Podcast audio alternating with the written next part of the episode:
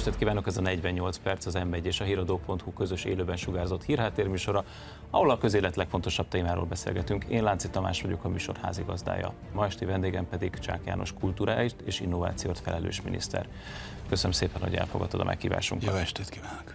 Nos, egy hónappal ezelőtt körülbelül adott egy, egy interjút egy internetes portálnak, ahol elhangzott egy eléggé komoly, azt is mondhatnám, hogy súlyos mondat, amire valamiért nem kapta föl senki sem fejét, pedig azt gondolom, hogy hát van benne csont, ahogy azt mondani szokták. A mondat úgy hangzott, hogy vége van azoknak az időknek, amikor az állam majd megoldja. Tisztázzuk, hogy mit jelent ez a mondat, mit is kell pontosan megoldani. Ez most finanszírozásról szól, szabályozásról szól. Mit jelent ez a mondat? Ja, a polgári kormányok, a Fidesz kormányok mindig is arra törekedtek, hogy különböző rendelkezésükre, rendelkezésre álló eszközökkel próbáljuk meg erősíteni a középosztályt, azt a magarbíró réteget, amely föntartja az országot.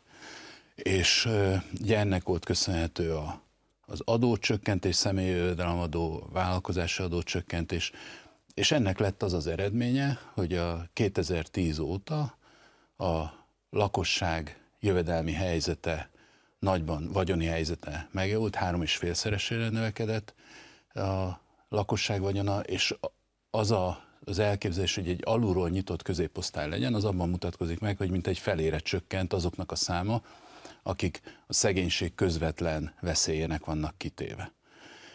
Tehát sikeres ez a politika. És az, hogy az állam mindent megold, az azt jelenti, hogy nem csak ö, átadunk lehetőséget, eszközöket lazítunk a szabályozáson ahhoz, hogy az emberek élhessék a maguk életét, hanem azt is jelenti, hogy egy csomó olyan dolgot, amit eddig az állam tartott fönt, abba, ahhoz hozzájárulhatnak a polgárok is. Ilyen tipikusan a kultúra. Ugye ez a kultúra területén én azt vallom, amit éppen száz éve Klebersberg Kuno elődöm ö, ö, oktatási és közoktatási és vallásügyi miniszter vallott, hogy egy kultuszminiszternek Magyarországon, egy olyan országban, amelyik gazdaságilag ö, nem olyan erős, hogy minden hullámát a környezetünknek, körülöttünk lévő világnak ö, befolyásolja, katonailag sem, egyelőre nem olyan erős, a kultúra az, a, ami, amire támaszkodhatunk, ami az erőnk velejét adja. És a kultúra az két értelemben volt. Ő azt mondta 1922-ben a székfoglaló beszédébe, hogy az én feladatom az az, hogy mi a magyar kultúrkiválóságot elősegítsem, minden olyan magyar szellemi terméket, amely, és tudományban és kultúrában egyaránt, amely világszínvonal, azt segítsem, de senkit ne hagyjunk le. Segítsük a társadalmi mobilitást, segítsük azt, hogy minél többen eh, részesüljenek a kultúra áldásaiból, ezért alapított 5000 elemi iskolát az Alföldön és más területeken. És ezért alapította meg a Nemzetközi Kollégium Hungarikumokat, ezért hívott Magyarországra tudósokat, ezért küldött ki rengeteg egyetemistát külföldre, hogy ezek a tapasztalatcserék meglegyenek.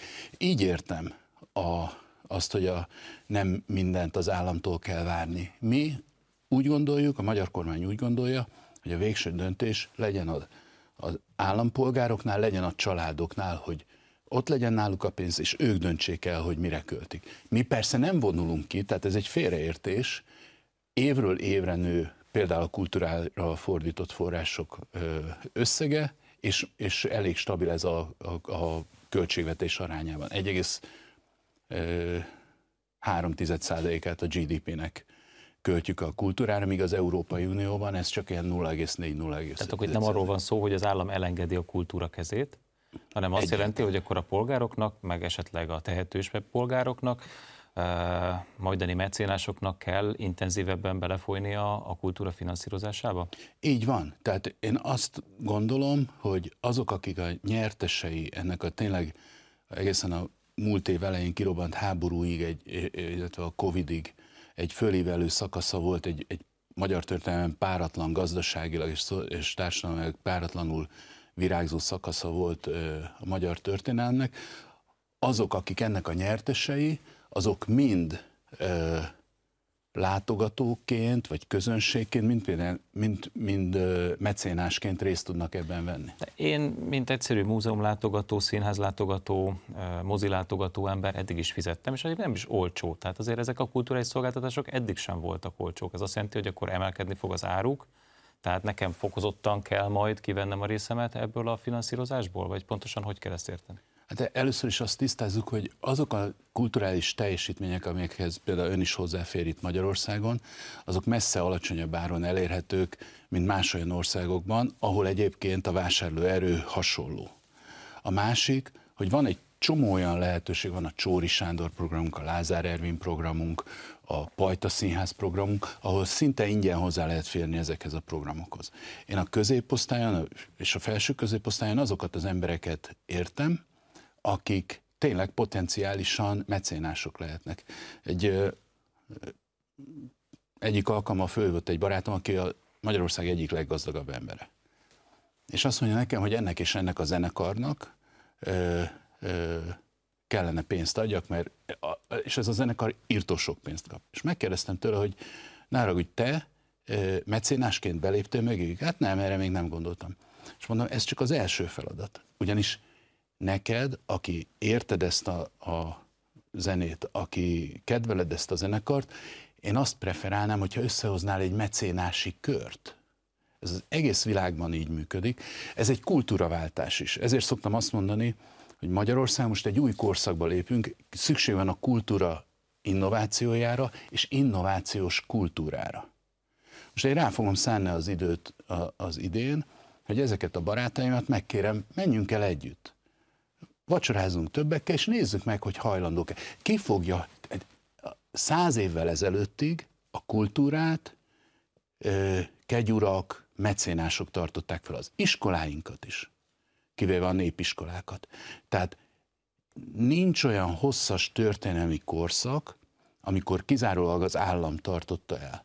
Na most, amikor ilyen jó idők ö, vannak Magyarországon, mikor kellene nekünk ezt a kultúraváltást végrehajtanunk. Én azt tanultam, onnan én jöttem a vállalati világból, hogy akkor érdemes megcsinálni dolgokat, amikor jól mennek a dolgok. Akkor egy jó vezető azt mondja, hogy jó, akkor most van lélegzetvételnyi időnk, és akkor próbáljunk meg változtatni ezen. Én szerintem ez egy, ez egy méltányos kérés azoktól az emberektől, középosztálynak az, az, attól a részétől, akik nyertesei ennek az elmúlt időszaknak, és ez lehetővé teszi, hogy az állam még többet szálljon arra, hogy a lemaradó rétegeket, akiknek nehezebb hozzáférni, az, azok hozzáférjenek. Ezért fogjuk megújítani a járási szintű kulturális hálózatot is. Ezek pontosan micsodák, hogy mindenki értse, meg még én is. Úgy van, hogy véleményem szerint Magyarország egy városállam. Kárpát-Velence olyan, mint az ókori Atén Budapest szinte már bárhonnan, Sepsi Szentgyörgyön mondjuk 9 óra alatt elérhető, nagyjából. És minden közel van, mint Sepsi Szentgyörgy. A, van Budapestünk, ami egy csodálatos főváros, olyan, mint ókori Aténban volt a, a, az Akropolis, vannak megyei jogú városaink, vannak a vármegyeink, és van a járás. Csak Magyarországon van 174 járásunk. Ezek, ahogy a neve is mondja, járó távolságban vannak a kisebb településektől.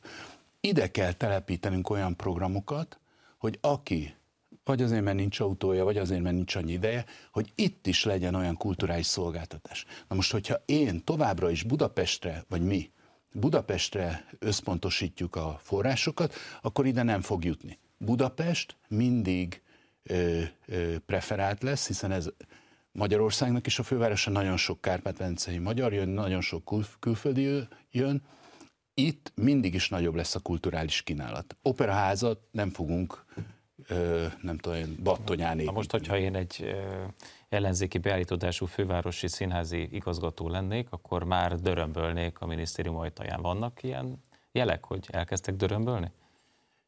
Vannak, és igazából tulajdonképpen mindenkinek van oka dörömbölni. Nekem is van időnként. De érdekes módon az erősebb érdekérvényesítő képességgel a színpadokhoz közelbe álló emberek erőteljesebben tudnak dörömbölni. A tudom, hogy a csipkekészítő asszonyok is próbáltak, de egyetlen honlap, egyetlen tévé sem fogadott be az ő dörömbölésüket, mert nincsenek benne abban az ökoszisztémában, amely ezt lehetővé teszi. a hangjuk, igen. igen. De én örülök, hogy, hogy, hogy dörömbölnek, mert az azt jelenti, hogy szeretik a szakmájukat, és úgy is érzem, hogy a, az úgynevezett független színházak, amelyekből lakosság arányosan nálunk van talán Európában a legtöbb, a függetlenség az azt jelenti alapesetben, hogy nem függök senkitől pénzügyileg, anyagilag hanem a jegybevételtől függők, a mecénásaimtól, és esetleg, hogyha kell valami kiegészítés, nem intézmény működtetés, hanem produkcióra, akkor, akkor utána járok, hogy az államtól is kapjak. Tehát én örülök, hogy dörömbölnek, mert az azt jelenti, hogy óriási lehetőségeik vannak, sok darabot akarnak előadni, van közönségük, van mecénásuk, és abba azt szeretnék, hogy az állam is bejöjjön valamennyire, és az állam erre fordít is ö, forrásokat. Most ugye itt adódik az a kérdés, az állam ugye eloszt forrásokat, de milyen elv mentén? Tehát ön, amikor döntéseket hoz, tudom, nem a miniszter hoz döntéseket, itt testületi döntések születnek, de hát mégiscsak a kormányzat az, amelyik elosztja a kultúrára szánt forrásokat. És ugye itt van az a dilemma, hogy hát ott van egy kétharmados felhatalmazással rendelkező parlamenti többség, amely többek között a önt is megválasztotta, és a székébe helyezte. És ö, nyilván van az a szempont is, amire ön elég gyakran hivatkozik az interjúban, a teljesítmény. Tehát van egy, mondjuk egy kétharmados kulturális ízlés, egyfajta elvárás, és van egy, mondjuk úgy, hogy ön által felállított objektív teljesítmény. Miért majd erről is beszélünk, ez pontosan micsoda. Mi van, amikor ez feszültségbe kerül? E, valóban úgy van, hogy e, vannak bizottságok, kollégiumok, akik, akik döntenek, vagy például a pályázatok, amik különböző intézmények élére a, a vezetőket kiválasztják, itt is vannak bizottságok, de én vállalom a személyes felelősséget. A legtöbb kérdésben az nagyobb súlyom van, mint, mint a, vagy, vagy a, akár a döntés felelőssége is nálam van. A, azok az, tehát jelenleg úgy van, hogy Magyarországon valóságos kultúrpolitikát csinálni, az nehézségekbe ütközik. Egyébként ez így van a rendszerváltás óta. Ugyanis arról van szó, hogy, hogy és ez a világban is így van, tehát ez, ez most nem ö, ö, problémaként, vagy, vagy jelenségként jelzem inkább, hogy különböző érdekcsoportok egy szűkösebben rendelkezésre álló forrást próbálnak szétszedni. És akkor amelyik éppen pillanatnyilag erősebb, az, az többet tud kiszakítani. Egy kultúrpolitikának azt kell eldönteni, hogy például mennyi menjen Budapestre, mennyi menjen vidékre, mennyi menjen előadó színházművészetre, mennyi menjen komoly zenére, mennyi menjen könyvre, könyvtára, politikai, múzeumok. Politikai és ízlésbeli ítéleteknek itt nincs szerepe, nincs helye? De igen, e, e, tehát ez az az arányosság, uh-huh. ami részben a teljesítménye múlik, részben pedig azon a kultúrpolitikai misszión, amit említettem a Klebersben, kultúrkiválóság, és senkit se adjuk a, senkit se, aki akar, az jöhessen, ne, ne hagyjuk, hogy elvesztenek tehetségek. A politika ott játszik ö, szerepet, hogy a modern demokráciákban ugye választások vannak. Négy-öt évente országa válogatja. Ahol egy politikai erő vagy koalíció kap mandátumot arra, hogy amit mondott, azt végrehajtsa. Ezek, ahogy most tudjuk az EU-s vitákban, mindenki értékekre hivatkozik, de itt leginkább arról van szó, hogy miket tekintünk emberi jóknak. Kötődések ápolása. Az azt jelenti, hogy család, kötődések ápolása azt jelenti, hogy haza, kötődések ápolása, hogy, hogy vallási elképzelések, vagy legalábbis spirituális elképzelések, és hogyha egy, egy párt vagy egy párt csoport azt mondja, hogy ő ezeket vállalja, akkor ennek a kultúrpolitikában is érvényesülni kell. Nézzük meg Németországot, ott van a CDU, vagy a CSU, keresztény szocialista, vagy keresztény demokrata pártok. A legnagyobb válság abban van, hogy azt mondják nekik a választóik, hogy ti azt mondjátok, hogy ti keresztény demokraták vagytok, vagy keresztény szocialisták vagytok, és a programotok nem az. Tehát nem lehet becsapni a választókat. Ugyanakkor az, hogy, hogy egy szabad országban élünk, az azt jelenti, hogy ez nem Acél György országa, hogy tűrt, tilt, támogat. Itt semmi sincs tiltva. Semmire nem mondjuk azt, hogy tűrt. Itt Magyarország teljesen szabad ország kulturálisan, mindenki olyan terméket állít elő, amilyet szeretne, amilyet el tud adni, nekünk, mint kormánynak, tartozunk azzal a választóinkkal, hogy betartjuk azt, hogy a kötődéseket, a gondoskodás képességét megpróbáljuk segíteni, hogy az állampolgárok nem csak akik ránk szavaztak, hanem az összes állampolgár meg tudja élni. Nekem mindegy, hogy valakinek a kötődése mondjuk a Togó szigetekhez vonza, de nyilvánvalóan nem fogok Togó szigeteki kulturális programokat támogatni, kivéve amikor egy, egy ilyen kultúrcsere. A togói nagykövet ezt most nem hallja. Nincs az, azért említem Igen. Togót, mert nagyon szeretem Togót. Értem. E, beszéljünk egy kicsit erről a teljesítményről. Sokszor, sokszor elmondja, hogy a kulturális teljesítményeket szeretné megmérni, és a valódi teljesítményeket szeretné, ha úgy tetszik, támogatni, díjazni. Mit jelent a teljesítmény a kultúrában? Minden ö, kulturális ágazatban különböző dolgot jelent. Mondok egy példát. Ö, vegyük mondjuk a komoly zenét. Komoly zenében nem én szabom meg a teljesítményt, hanem azt mondom, hogy egységnyi támogatási összegből ki mennyi, mekkora közönséget tud mozgósítani. Ki mekkora mecenatúrát tud mellé tenni, ki hány rendezvényt tud tenni. Tehát, hogyha mondjuk valaki kap mondjuk 200 millió forintot, és abból rendez mondjuk három rendezvényt, más kap 200 millió forintot, és tud 10 rendezvényt, mondjuk tízszer annyi látogatóval. Akkor nyilvánvalóan, tegyük fel, hogy a minőség az ugyanaz, akkor azt mondom, hogy vagy ő csinálja nagyon jól, vagy ő, ő, ő valamiben javulhatna. Tehát mindig almát almával kell összehasonlítani. Mindegyik területen megnézzük, hogy mi az a legjobb teljesítmény, amit ki lehet hozni, és arra ösztökéljük a többieket, hogy ezt megtegyék. A kultúrában ö, vannak abszolút teljesítmények. Tehát most direkt nem ö, mai példát hozok, de mondjuk ö, Bartók vagy Liszt, amikor előadott, vagy a darabjaikat előadták, akkor mindenki tudta, hogy na ez az abszolút színvonal. Ezt nem tudja mindenki ö, hozni. Van alatta lévő is. Az, a, a, az alatta lévők, vagy az aspiránsokat, azokat egymással kell összemérni. Ugye az, az a, a végső mérleg az az, hogy nemzetközileg, hogyha összemérjük a magyar minőséget, az, az hol helyezkedik el a világban. És például, hogyha már a komoly zenét említettem, ott mi nagyon közel vagyunk a csúcshoz. Nagyon sok zenekarunk van, szerencsére az egész országban sok zenekar van, és én ezt ambicionálom is. Azért, mert igazán a csúcsminőséget azok fogják érteni, akik egyébként gyerekkoruktól ebbe belenőnek. Ezért fontos, és ezért kell nagyon megbecsülnünk azt az örökséget, amit Kodálytól kaptunk, az énekzene tanítást, ezért kell nagyon megbecsülnünk azokat a Doknányit, Bartókot, Kodályt, Lisztet, Weiner Leót, akik ezt a akikben ez kinőtt, vagy Haydnhoz is visszamehetünk egyébként. Tehát nekem ez a feladatom, hogy megpróbáljam mindegyik területből kihozni a legjobbat, nem én találom ki, ami, mi a legjobb, nem én mondom azt, hogy minden, mindig egy 500 fős termet meg kell tölteni, de hogyha van, aki képes megtölteni, akkor azt mondom, hogy te miért nem tudod?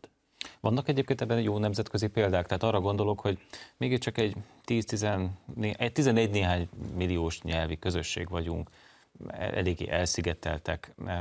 Ehhez képest persze nagyon nagy a kulturális kisugárzásunk, de azért nem szabad magunkat túl se becsülni. Van-e olyan hasonló méretű, nyelvileg izolált ország, ahol ezt jól csinálják, amire azt lehet mondani, hogy hm, nekünk is így kéne? Egyrészt... Tehát, elmondom, hogy mire gondolok. Igen. Például a lengyelek persze nagyobbak, de mondjuk történelmi filmeket például már nagyon régóta és nagyon színvonalasan csinálnak, hát, és ezeket nemzetközi, nemzetközileg is tudják értékesíteni. Tehát erre azt lehet mondani, hogy igen, a lengyelektől van mit tanulni, e, nálunk ez az utóbbi időben elhanyagolt volt, most már születnek történelmi filmek, de van-e olyan, ahol azt lehet mondani, hogy ezt az egész kultúrpolitikát, emlékezetpolitikát, ezt jól csinálják? Igen, egy, egy dolgot hadd tegyek hozzá, hogy, hogy valóban 12-13 millió vagy 14-15 millió ember az egy kis közösség, de Magyarország középméretű ország az Európai Unióban is. Ezt tehát a 27-ből a 13 vagyunk, mind népességben, mind területben, tehát nem vagyunk kicsik. Ráadásul a kultúrában valóban nyelvileg egy kicsit be vagyunk zárva, de nekünk van másik anyanyelvünk is. Van zenei anyanyelvünk, van mozgás anyanyelvünk, néptánc, balett, Seregi László, Harangozó Gyula, óriási, óriási örökség. És, és van vizuális anyanyelvünk. Csontvári, Munkácsi, Máriás, doktor Máriás, most mondjak egy párat, vagy Jankovics Marcel, vagy rajzfilmművészetünk. Tehát, tehát vannak olyan termékeink, amelyekkel ki lehet menni, amelyeken keresztül meg tudjuk mutatni, hogy kik vagyunk mi. Olyan ország, amelyik jól csinálja, illetve amelyiket érdemes lenne követni ilyen hasonló méretű, egyébként még a cseheket is mondanám, csehek nagyon jól csinálják, a lengyelek is. Mi a különbség köztünk, meg köztük például? Ugye a, a cseh és a lengyel kommunisták, azok sosem utálták a népüket. A magyar kommunisták utálták a népüket. És úgy nem lehet hatalmat gyakorolni, ez egyébként 90 után is érvényes. Ha egy politikus utálja a népét, az nem fog tudni tartósan hatalomra kerülni, és az még csak az első lépés, mert igazából szeretni is kell. Uh-huh. És a lengyel kommunisták zöme az lengyel maradt. Történelmek úgy alakult, hogy a németek meg az oroszok elég összekovácsolták őket. A cseheknek a maguk knédlis módján, de van egy cseh tudatuk. Nálunk ez a probléma, és ezt hurcoljuk magunkkal, mint egy ilyen kéretlen terhet, de ez a magyar történelmnek a, a része. Így élünk. Nagyon érdekes, érdemes elolvasni Vas Istvánnak 56-ban, 56 után írt egy gyönyörű verset 56-ról, és azt írja benne, sajnos nem tudom szó szerint idézni, de azt írja benne, hogy én azt hittem, hogy már elveszett ez a nép. De most azt érzem, nem a nép veszett el, hanem minden törés, ami szétszakított bennünket. Egyek vagyunk, magyar vagyok, itt vagyok, érzem. Na ezek a katartikus pillanatok azok, amik kellenének. Ez a történelemben, ugyanúgy, ahogy a drámákban, a görögöknél voltak még katarzisok, ma megnézek egy darabot, hát sokszor keresnem kell, hogy akart-e katarzis, vagy tud-e róla a szerző, hogy De talán az egész világunk ilyen, nem? De, de heroizál, nem? Igen, és akkor időnként, ahogy Cseh Tamás énekelte Bereményi Géza dalában, Valóság bácsi bekop, bekopogtat, és akkor elcsodálkozunk, hogy 90-es évek végén uh, Jugoszláviában kitör egy háború, vagy most a szomszédunkban, tehát az aztán a legnyersebb katarzis. Mert az nem úgy van, hogy ülök egy amfiteátrumban és nézem a katarzist, hanem ott élő emberek halnak meg. Hús, vér, szenvedés, emberek szenvednek. Ez, ez a probléma félbeszakítom, a háborútól fogjuk majd folytatni. Most egy rövid szünetet tartunk, a beszélgetést a hírek után fogjuk folytatni, és remélem, hogy velünk tartanak a második részben is.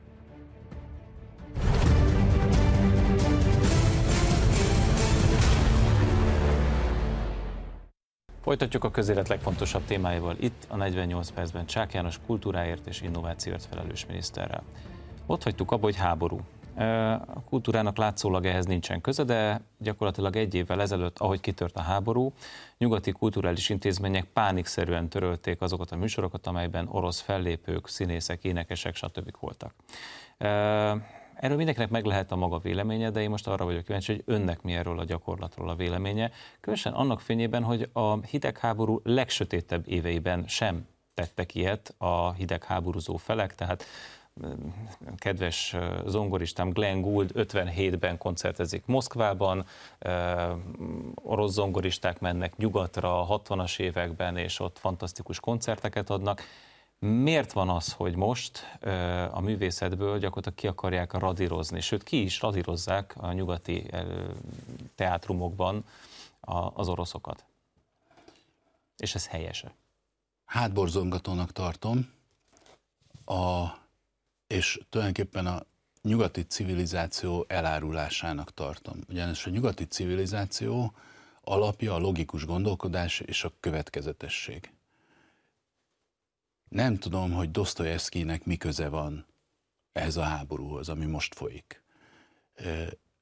van egy kanadai barátom, aki pszichológus, klinikai pszichológus. Ír könyveket, de ugye angol száz stílusban írja, és mindig irodalmi példákat hoz. És az egyik könyvében ö, ö, Dostoyevsky-től a Karamazov testvérekből idéz. És ezt a könyvet, óriási sikerű könyv, kiadták ukránul is. És ö, elfogyott, és új kiadás, és fölhívták a kiadóból, hogy írja át a könyvet, a Dostoyevsky idézetek ne legyenek benne. Ez egy tudományos könyv. Tehát az a probléma, hogy ha ezt elkezdjük térben és időben, ugye ezt még a francia forradalomban sem csinálták. Tehát kiírtották azokat, akik nem tetszettek, papokat, meg mi egymás, de a vallás helyére hoztak egy, egy ilyen kvázi ö, ö, vallást. Most, ami történik, hogy megpróbálnak ilyen sztálini módra kiszedni a történelemből ö, művészeti alkotásokat, gazdasági alkotásokat, és ha jönnek a tudományos alkotások, az, azonban szemben a, a mondjuk a művészeti alkotásokkal a tudományos alkotások koprodukcióban történnek. Tehát egy tudományos cikkből nem Lobacsevszkit nem lehet ki, kiszerkeszteni. Vagy eldobjuk akkor a, a periódusos táblát is? Hát. Tehát e, e, ez én a nem, probléma... Én, én megmondom őszintén, én nem lepődnék meg semmi se, tehát néhány amerikai egyetemen talán még ez is megtörténhet a közeljövőben, elnézve azt a vók tombolást, ami ott zajlik.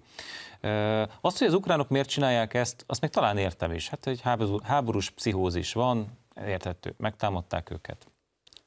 Most erről véleménye lehet az embernek, de, de valahol, valahol talán érthető. De hogy nyugaton, tehát ahol nem dörögnek a fegyverek, ott, ott ez, ez miből fakad? És ott nem volt sztálinizmus sem.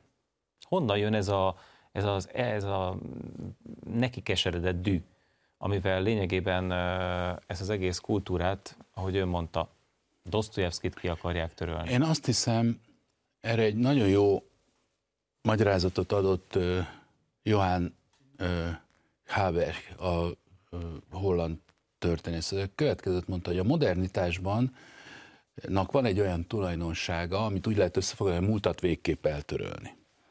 Amikor a a felvilágosodásban elkezdtek gondolkodni arról, hogy mi az érvényes tudás, akkor az egyik első következtetés az volt, hogy Arisztotelészt és Platont el kell felejteni, mert az még az emberiség gyerekkorában volt. Utána telt múlt az idő, ugye később már azt mondták, hogy Kantot is felejtsük el, félreértés volt, egy kicsit ö, ö, ö, ö, nem gyerekkorában, az emberiség serdülőkorában volt, és eljutottunk a 60-as évekre odáig, hogy egy, egy hát nevezük woke vagy cancel, de a 60-as éveknek az egyetemi légkörében eljutottunk odáig, hogy az, aki beszél, azt már az előző nap kimondott álláspontja sem köti. Nem kell következetesnek lennie. Ez a múltat végképp eltörölni ideának az, a, a szélsőségességbe ö, vívése. Ez azonban azt jelenti, hogy összeomlik az emberi társadalom, az embernek a társas léte, hiszen mi hogy tudnánk beszélgetni, hogyha én azt állítom, hogy ez egy pohár víz ma, és holnap azt állítanám, hogy ez egy pohár ö, ö, sör, és ön azt állítaná nekem, hogy nem, ez egy pohár víz, ez ugyanaz. És én azt mondanám, hogy nem.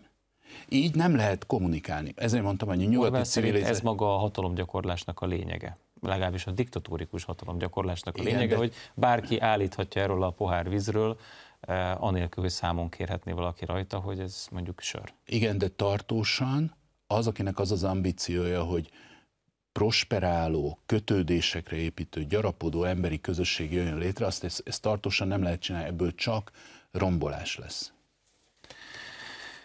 Tudományt említett, nézzük, hogy mi a helyzet a tudomány területén Magyarországon. Semmelweis Egyetem tavaly először került fel a, egy világranglistának, egyetemeket rangsoroló listának a 200 legjobb egyetem, egyetemek közé, a 236. helyre. Korábban, ha jól tudom, ilyen még nem volt.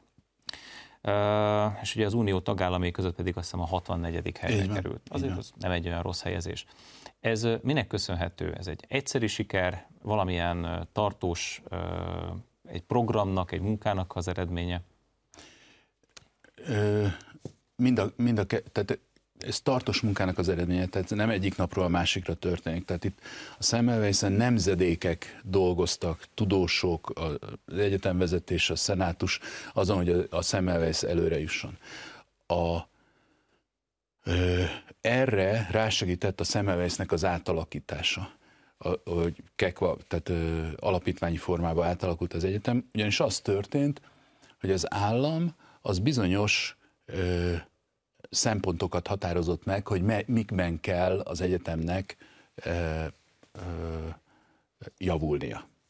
Ilyen volt a hallgatók, ö, a hallgatók iránti vonzerő.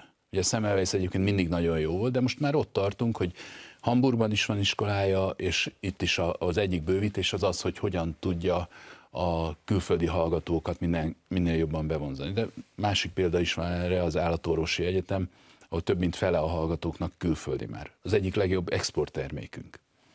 A második dolog, hogy a tudományos teljesítmény javuljon. Az egyetemek finanszírozása függ azon, hogy milyen tudományos teljesítményt érnek el.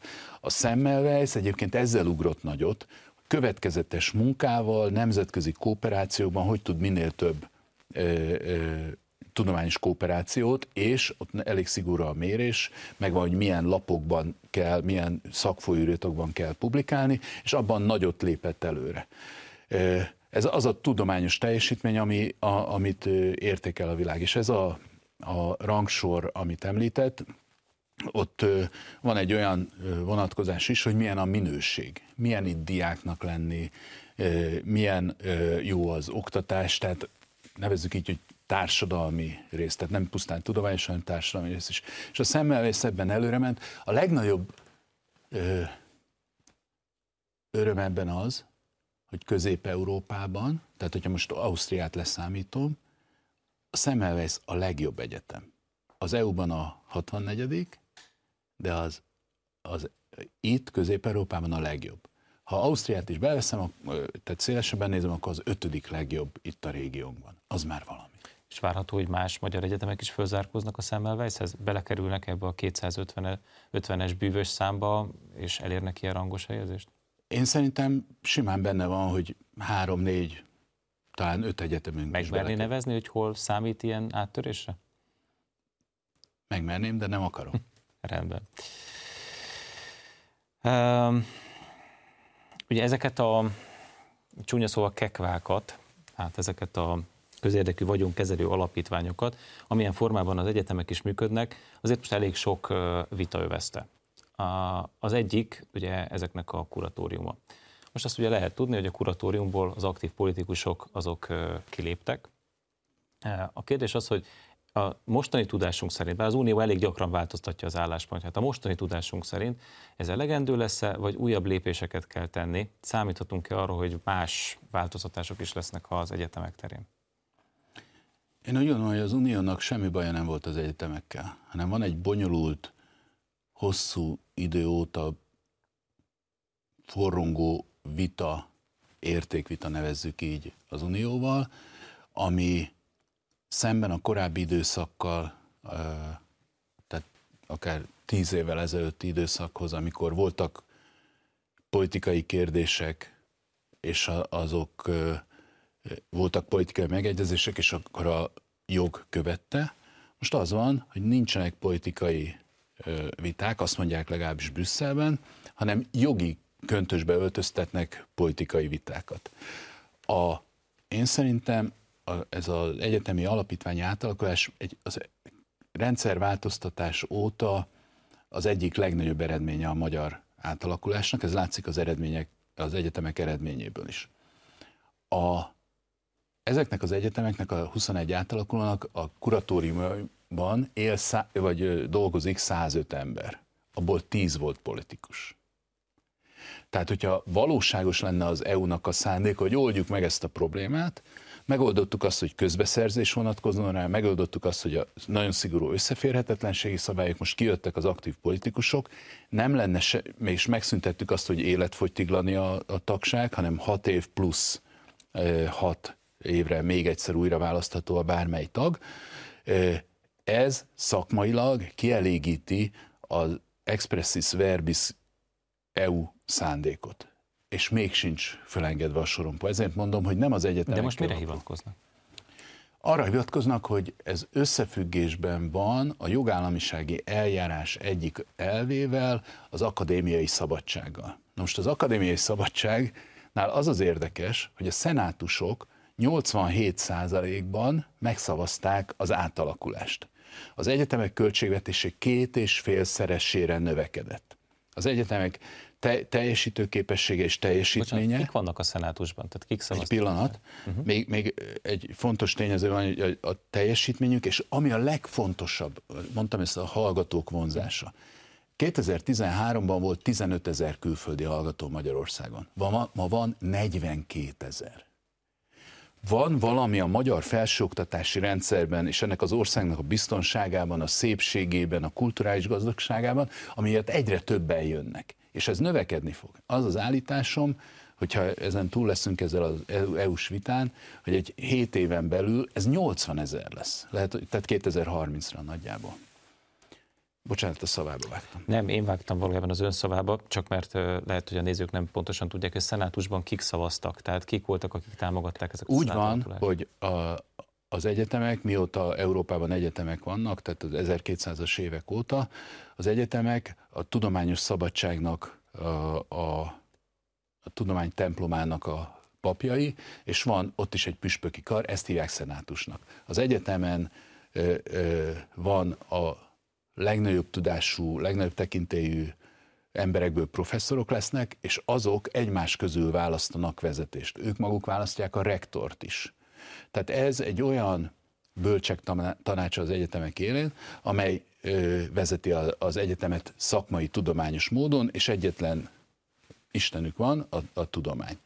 A, ezek egyeteme válogatja, hogy hány tagúak van, ahol 40 tagú van, ahol csak 10 de tagú. Is, de és ők is, ők igen. minden egyes egyetemnek átlagosan mondjuk a 10 tagból 9 tag arra szavazott, hogy legyen meg az átalakulás. Tehát ez egy autonóm, a tudományos szabadságot tiszteletben tartó alternatíva volt a szenátusok előtt, hogy választják ezt, vagy sem. És az államnak semmilyen eszköze nem volt arra, hogy rákényszerítse őket.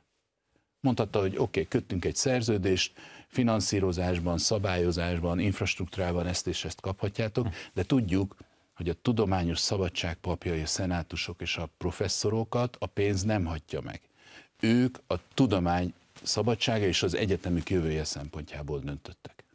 Visszatérve még egy mondat elég az Unióval folytatott vitához, mi lesz most az Erasmus programmal? Hogy áll ez most? Az Erasmus programot 2024-es évre nézve fölfüggesztette az EU. A 23-ban minden megy úgy, ahogy eddig ment. A 24-es évre a magyar államnak megvannak a pénzügyi eszközei, hogy, hogy ezt pótolják, de én azért azt remélem, hogy közeledünk a megegyezés felé, tehát rendeződni fog a dolog. Vannak különböző határkövek, amit ugye mindig odébb visznek egy kicsit, de a következő most május. Hát reméljük a legjobbakat. No, van az ön minisztériumának egy, nevezük úgy, hogy lágy alteste, ez az innováció. Nagyon nehéz megmondani pontosan micsoda, de mindenkit foglalkoztat, mert itt végül is a jövőről van szó.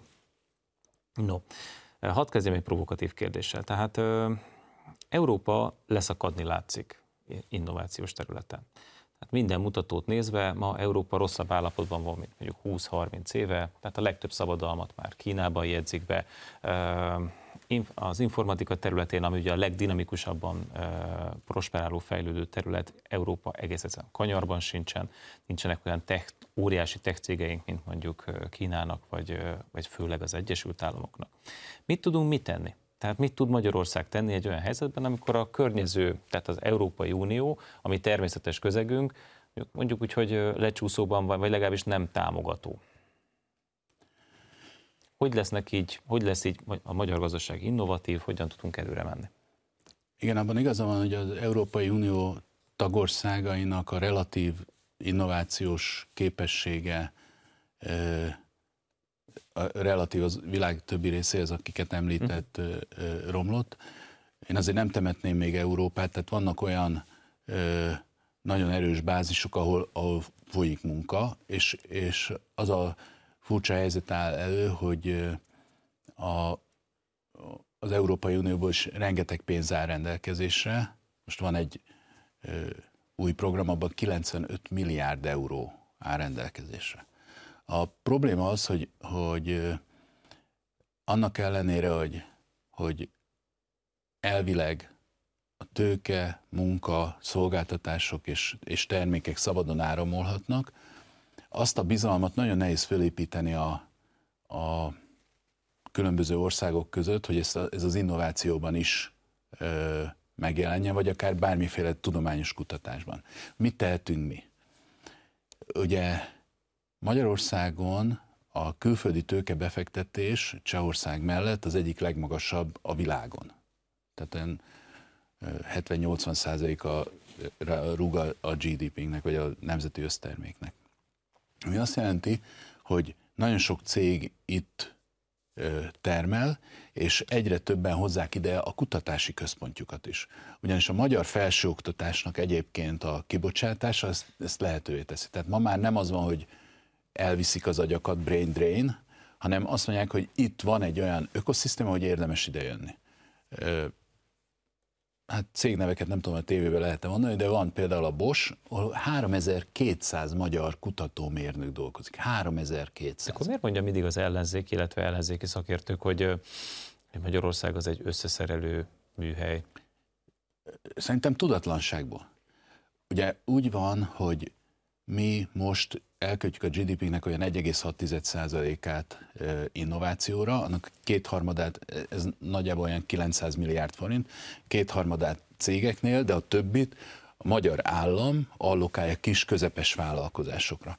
Ez be fog érni, ugye ez igazán Palkocs miniszter úr alatt kezdődött el, hogy, hogy tudatosan ezt az innovációs forrásokat megosztani, és, és most lesz egy pár változtatás a rendszerben, amit, amitől azt remélem, hogy még hatékonyabb lesz.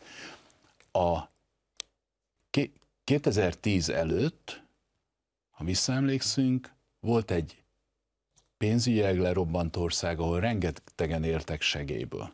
Az első lépés az az volt, hogy munkahelyeket kellett teremtenünk. Ez megvalósult. Meg, meg lett az egymillió új munkahely. Emlékezzünk vissza, hogy amikor beindult a közmunka program, akkor 380 ezer ember dolgozott közmunkában. Ma tudja mennyi? 80 ezer. Hm. Az a 310 ezer, aki a különbség, azok mind el tudtak helyezkedni, mert annyi üzlet jött. És közben elkezdtük átalakítani az egyetemi rendszert, tehát most létezik egy munka, munkára épülő gazdaság, és át kell térnünk a tudásra épülő gazdaságra. És ehhez minden reményünk megvan. Már most is rengeteg ilyen együttműködés van. A igazából ahhoz, hogy ezt föl tudja mérni az ember, az tudnia kell hosszú folyamatokban gondolkodni. Hosszú folyamatokon én 5-10 éveket ér, értek. Ugyanúgy, hogy gyermeket nevel az ember, akkor nem lesz egyből 20 éves az a gyerek, vagy hogyha ültet egy diófát, de még egy almafa is harmadévben kezd el teremni.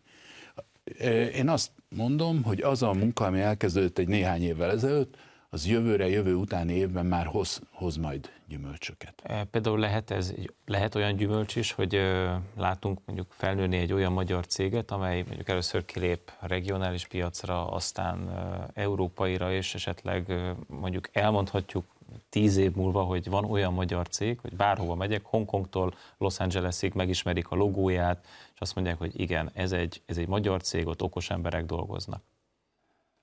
Szerintem van egy-kettő-három. Az a, a gazdaság és a tudomány világa, az teljesen nemzetközi, tehát az nem tekinti a határokat. Magyarán, hogyha van egy magas színvonalú magyar szellemi teljesítmény, innováció, termék, prototípus, vagy, vagy maga a termék, azt ugye értékesíteni kell az más egy 10 milliós országban, és más egy 90 milliós országban. Tehát Korea például azért volt olyan sikeres, mert minden kísérleti terméküket ott a saját országukban viszonylag nagy piacon kipróbálhatták, és elértek egy hatékony, egy mérethatékonyságot. Japán ugyanaz. Nem véletlen, hogy az Egyesült Államokban és Kínában ilyen ö, jó a, a, ez a föl, ö, fölhozata a szabadalmak, meg más dolgok. Van egy-két kivétel, Észtország ilyen, de az észtek, ott van ö, néhány ilyen cég, amit, amiknek a tulajdonosai amerikaiak. a termékeiket nem Észtországban néhány millió embernek adják el, hanem a világban adják el. Tehát azt, hogy, hogy olyan logót fog látni, abban, tehát amiről eszebe jut, hogy magyar logó. Mint... Gondolok, egy Nokia, tehát hogy amit nem kell magyarázni senkinek, mindenki nagyjából tudja, hogy micsoda, és még sorolhatnék, most én sem nem tudom, hogy igen, igen. nem menjünk bele a cégnevekbe, de hogy amiről lehet tudni, hogy egy nagy skandináv bútorbolt, tehát hogy ilyen mondjuk, ami az innovált, tehát innovatív magyar cég ki tud-e nőni a következő időszakban, tehát céle, hogy egy ilyet fölnöveljünk? Hát nekem nem célom. Én hiszek a magánpiacokban. Tehát én azt tudom tenni, hogy figyelek, hogyha van valahol ilyen tehetség vagy potenciál, akkor azt minden eszközömmel, tanácsommal segítem, és hogyha kell nekik pénz, akkor megpróbálok állami pénzt is ö, beleterelni. De én, tehát az állam nem tesz valakit sikeressé. Valakit, aki már megy az úton és sikeres, arra rásegíthetünk. Aki előre megy, amögé odaállhatunk. Nem tekintem az állam feladatának unikornisok vagy, vagy ilyen cégek kialakítását. Ha nincs egy bajnok, tehát én akarhatnék, hogy vegyünk egy magyar terméket, Icarus busz, ugye mekkora termék volt. Én, hogyha azt akarnám, hogy legyen egy buszmárkánk, vagy egy mobiltelefon, vagy egy mobilhálózati márkánk a, a világban, és én elkezdenék bajnokot keresni, az nem a miniszter feladata. De azt tudom, hogy van az országban egy pár olyan ember, tudok is olyan terméket, sőt tudok olyan terméket, a, a, amit magyarok csinálnak Szingapurban. És most az egész világra viszik ki. És magyar hazafiak. Csak ott volt először a piacuk, és akkor onnan kezdték el eladni. Lesz ilyen cég. Tökéletes végszó. Nagyon köszönöm, hogy elfáradt hozzánk. Ennyi fért bele a 48 percbe. Köszönöm a figyelmüket. Egy hét múlva találkozunk az m és a híradó.hu-n. Addig is tartsák szárazon a puskaport.